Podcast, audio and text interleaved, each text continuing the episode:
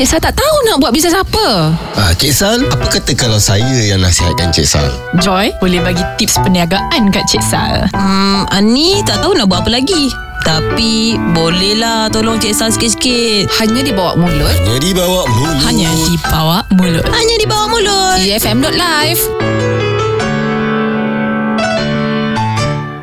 Ish, kepala ni dah gatal-gatal pula ni.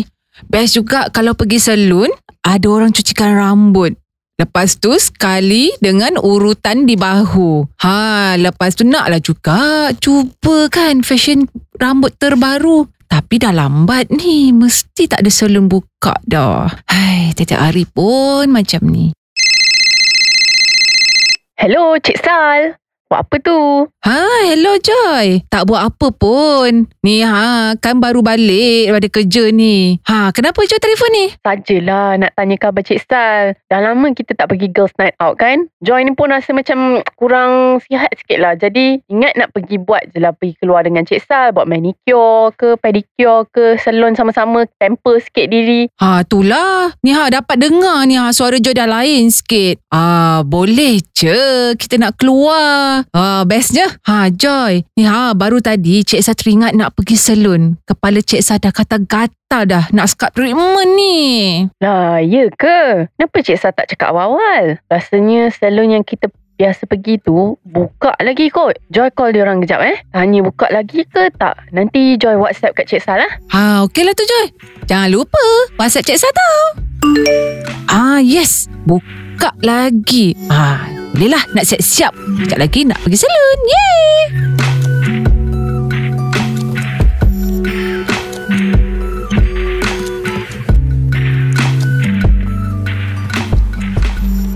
Ha, Joy. Sorry lah. Susah sikit cari parking. Yelah kat bangsa ni kan. Lepas tu malam-malam. Faham je lah. Baru dia orang nak tarik muncung tu Cik Sal. Kita last customer dia orang ni. Dah acah-acah kemas kedai kat belakang tu ha. Itulah pasal. Bukan senang sebenarnya. Sebab salon semuanya awal sangat tutup. Kita baru nak balik kerja, dia dah tutup dah kan. Bila masa lah pula Cik San nak pergi grooming. Cari suntuk kot dekat pejabat. Itulah. Kan best kalau kita boleh panggil orang je. Uh, datang kat rumah buat salon sendiri. Boleh juga anytime ikut suka kita. Tak adalah susah payah nak keluar, nak cari parking macam ni. Ha, selesa pun selesa dekat rumah. Eh, menarik idea Joy tu kan? Hmm, kenapalah tak ada orang yang nak buat macam tu kan? Tapi itulah, nak cari hairstylist dengan tukang gunting rambut, assistant dia bagai ni. Bukan senang Joy. Ha, sebenarnya Cik Sal, Joy pernah ikut workshop dan kursus gunting rambut dengan hairstyling tau. Bukanlah susah sangat pun. Kalau nak yang basic-basic je, ha, okey lah. Lah, ya ke? Bila pula Joy ambil kursus tu? Tak cerita pun dekat Cik Sal. Ha, ni nak cerita lah ni. Sabar, sabar, sabar. Ha, baru selesa sikit. Rasa ringan sikit kepala ni ha. Hilang dah gatal-gatal lepas buat treatment.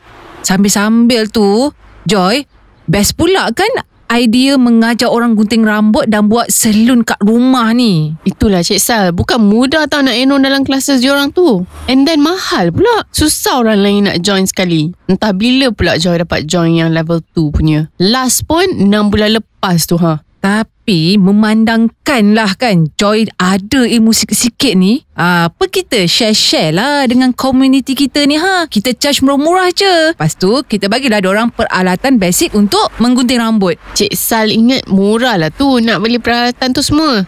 Cik Sal tahu tak? Kalau basic saja barang-barang semua dah RM2,000 tau. Sebab tu susah nak dapat sijil gunting rambut ni Cik Sal. Tak semua yang mampu. Kita buatlah harga yang orang mampu Ya tak Joy? Kalau tak sampai bila-bila pun orang tak boleh nak belajar Especially suri rumah kat kawasan perumahan kita tu ha, Masa ni lah kita nak tolong orang Tapi Cik Sal, bukan kecil tau modal nak mulakan kelas ni. Yakin ke Cik Sal diorang akan manfaatkan ilmu nak gunting rambut ni semua?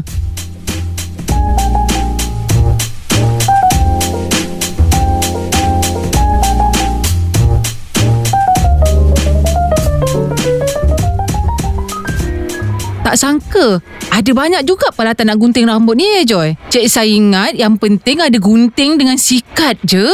Itulah Cik Sal. Ingat senang ke nak gunting rambut orang ni? Gunting ada banyak jenis tau. Nak trim lah, nak nipiskan rambut lah, nak pendekkan rambut lah, nak buat shape semua. Tu ada berapa jenis tu. Sikat pula, kena tengok jenis rambut. Tak boleh lah main pakai satu jenis sikat je. Ish, sampai macam tu sekali ya Joy. Itulah, ramai orang ambil mudah tentang seni menggunting rambut ni. Mentang-mentang dia murah, semua orang ingat kos semua murah. Tu belum nak bayar sewa kedai lagi. Kalau Mak Saleh cakap ni, taken for granted kan Joy? Betul lah. Kerja gunting rambut ni underrated sangat. Lepas ni, Cik Sa akan hargai orang yang gunting rambut dan buat style rambut. Macam Joy lah. Sebab Joy nak buat bisnes rambut ni kan dengan Cik Sal. Bila pula Joy setuju dengan Cik Sal? Habis tu, ni kita dah kat hardware ni. Shopping untuk kelas menggunting rambut ni. Kita dah on lah ni Joy. Ha, Joy. Apa yang kita kena ada untuk kedai gunting rambut ni? Yang penting ada set grooming ni Cik Sal. Set gunting, set shaver, set sikat ni.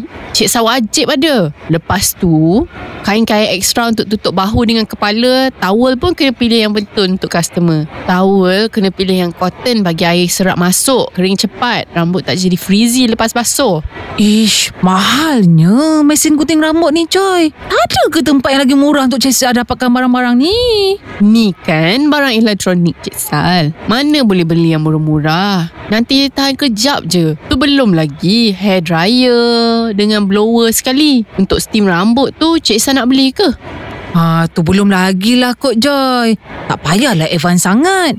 Nanti semua tak jadi. Tapi ada satu benda yang penting sangat untuk kedai gunting rambut Cik Sal. Ha, apa tu Joy? Apa lagi? Kerusi dia lah. Kalau kerusi yang jenis tak boleh adjust ketinggian, ha, tak selesa, macam mana nak gunting rambut? Ha, jom kita pergi sana tengok. Ha, yelah yelah jom jom.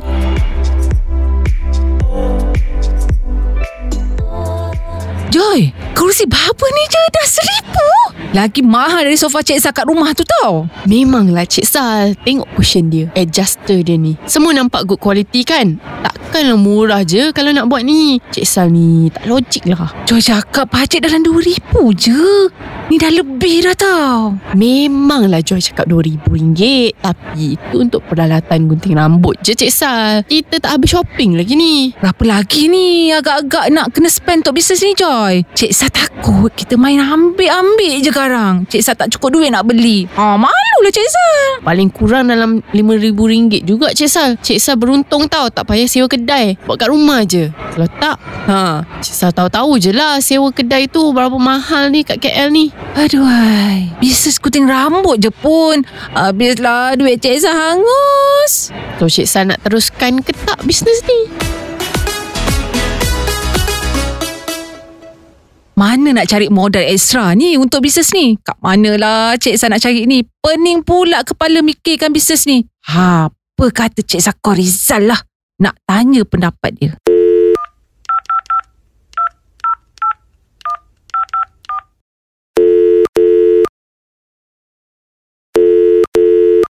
Assalamualaikum Rizal. Ah, Waalaikumsalam Cik Sal. Apa khabar? Um, lama tak dengar berita Cik Sal ni. Baik. Ha, memang lama tak nampak kan? Sorry, Cik Sa busy dengan bisnes. Biasalah.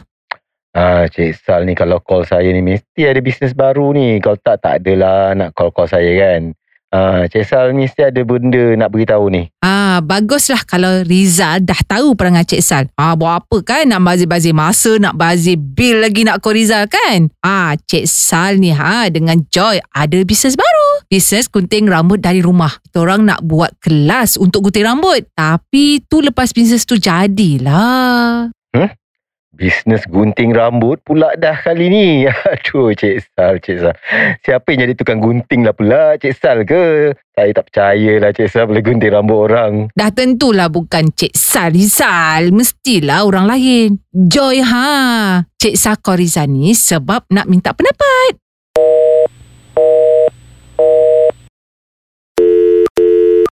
Ah, hello hello. Ah, okey okey. Ada balik dah. Sorry Rizal, line Cik Sal terputus tadi. Hmm, lain putus ke Cik Sal tak bayar bil telefon Cik Sal? Hmm.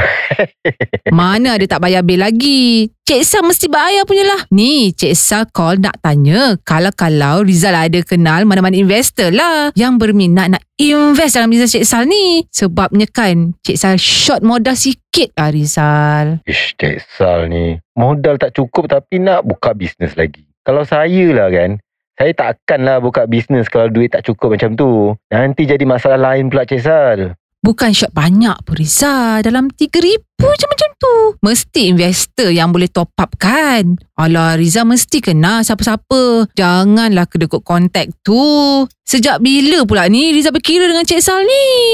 Saya bukan berkira Cik Sal. Saya prihatin dengan Cik Sal je ni. Cik Sal ni kan nasib buat bisnes baru tapi asyik juga ada yang kurang. Cik Sal kena fikir lebih mendalam lagi sebelum nak buat. Cik Sal memang dah fikir dengan mendalam dah ni Rizal oi. Rizal tolonglah carikan investor untuk Cik Sal ni. Ah, yelah, yelah, yelah. Nanti saya carikan lah yang mana yang patut yang boleh invest kat bisnes Cik Sal ni.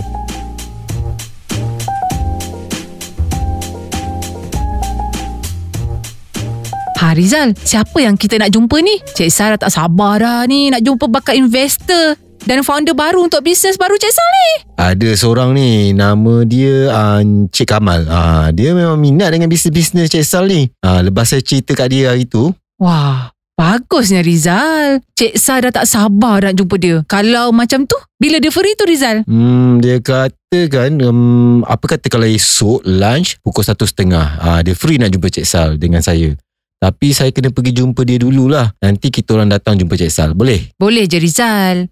Ha, kat mana nak jumpa tu? Saya rasa dekat-dekat sini je lah Office dia pun dalam 10 minit je dari sini Tak adalah jauh sangat Cik Sal ha, Cik Sal jangan risaulah Okay? Ni esok nak jumpa, Cik Sal kena prepare apa-apa tak untuk dia ni? Ha, dia ada nak minta proposal ke apa-apa ke? Biasa je Cik Sal Cik Sal prepare basic proposal je ha, Lain-lain let me do the talking Okay?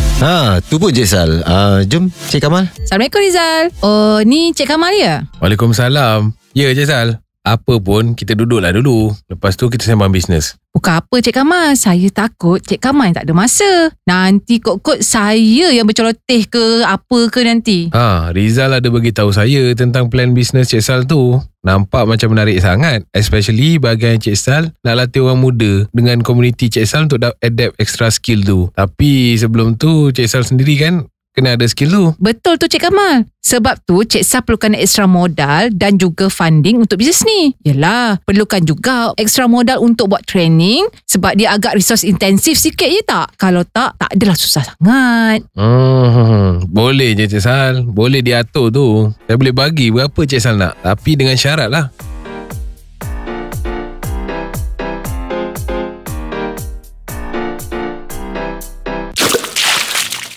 Cik Kamal, jangan ingat Cik Kamal ada duit, Cik Kamal boleh buat sesuka hati tau. Cik Sal ada maruah diri. Kalau tak boleh buat bisnes ni pun tak apalah. Tapi Cik Kamal jangan ingat kita orang menyerah macam tu je tau. Hey, kurang hajar. Kau tahu tak berapa mahal aku punya suit ni? Ha? Kau simbah air tu? Korang, korang sabar, sabar, sabar, sabar. Cik Sal, Cik Kamal, ah jangan buat kecoh kat sini eh. Malu ni ramai orang ni. Cik Sal yang buat kecoh atau situ gayut tak sedar diri ni yang menggatal tentu pasal. Pula Cik Sal tengok lah? Hey, hey, hey. You tak perlulah nak perasan cantik sangat ya Cik Sal eh. Business idea entah apa-apa. Kalau tak ada duit, bual cakap tak ada duit. Dah aku nak belah daripada sini. Eh, Cik Kamal. Ah. Cik Kamal, jangan pergi dulu. Dah, dah, Tunggu dah, jap. Dah, dah, dah, dah. Aku dah malas nak layan perempuan perasan ni. Rizal lagi jaga semiang tu daripada Cik Sal. Tak jaga langsung yang muka Cik Sal yang dah kena gangguan seksual dengan dia tu tau. Aduh, serabutnya saya, Cik Sal. Saya pun tak tahulah Cik Kamal tu macam tu orangnya. Minta maaf lah, Cik Sal. Saya patut check dulu background dia sebelum suggest meeting pada Cik Sal ni. Sorry, sorry, sorry. Joy tahu tak? Sakitnya hati Cik Sal dengan si tua miang tu. Dia boleh minta Kak Cik Sal buat macam-macam dengan dia untuk dapatkan modal tu je. Ya ke Cik Sal? Ish, apa-apa entah perangai dia tu. Lepas tu Cik Sal buat apa kat dia? Apa lagi? Cik Sal siramlah dia dengan air. Padan muka dia. Perangai sangat kan? Biar dia malu dengan perangai dia yang tak semegah sangat tu. Ha, Rizal? Apa dia buat? Itulah Cik Sal tak boleh tahan dengan perangai Miang tu. Alah Rizal tu pun. Entahlah Cik Sal pun malas nak cakap lah. Geram Cik Sal. Tapi sekarang Cik Sal kena cari funder baru lah kan? Nampak gayanya macam tu lah Joy. Biarlah Cik Sal susah-susah je cari funder. Dari Cik Sal kena kacau macam ni tau. Ramai sangat orang tak senonoh dalam dunia ni. Ha, Rizal? Senyap je dari tadi ni. Ha. Hai, saya terfikirlah berapa ramai lagi lah agaknya orang yang kena kacau macam Cik Sal tu dengan dia kan. Mungkin kan kita kena laporkan orang yang bermasalah macam Cik Kamal tu ha.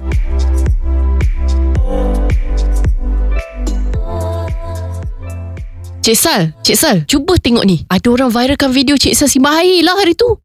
Apa Joy? Aduh, Cik Sal tak sanggup lah nak tengok komen orang tu. Mesti orang ingat Cik Sal mengamuk tak tentu pasal kan? Mana ada Cik Sal?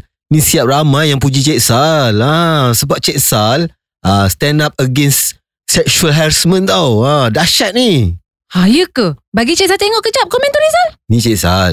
Ha, ada orang ni siap beritahu lagi Cik Kamal tu memang suka buat gangguan seksual. Ha, mungkin kita boleh kumpul report-report ah ha, banyak pasal dia. Kalau ada banyak bukti, senanglah nanti. Ha, makin ramai yang komen ni. Wah, Cik Sal viral lah sekarang. Segan lah nak kawan dengan orang popular ni. Eh Joy ni, cakap macam tu pula. Cik Sal cuma buat benda yang Cik Sal rasa betul je. Lagipun Cik Kamal tu memang patut pun dia kena sampai macam tu. Cik Sal, ha, cuba Cik Sal tengok komen yang ni. Macam best je.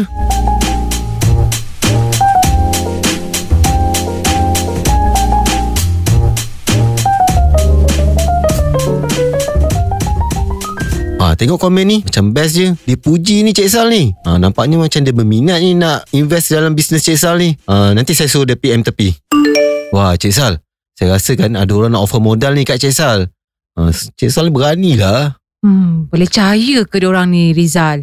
Kod-kod sama je macam perangai Cik Kamal tu. Cik Sal dah serik lah nak jumpa orang-orang ni semua.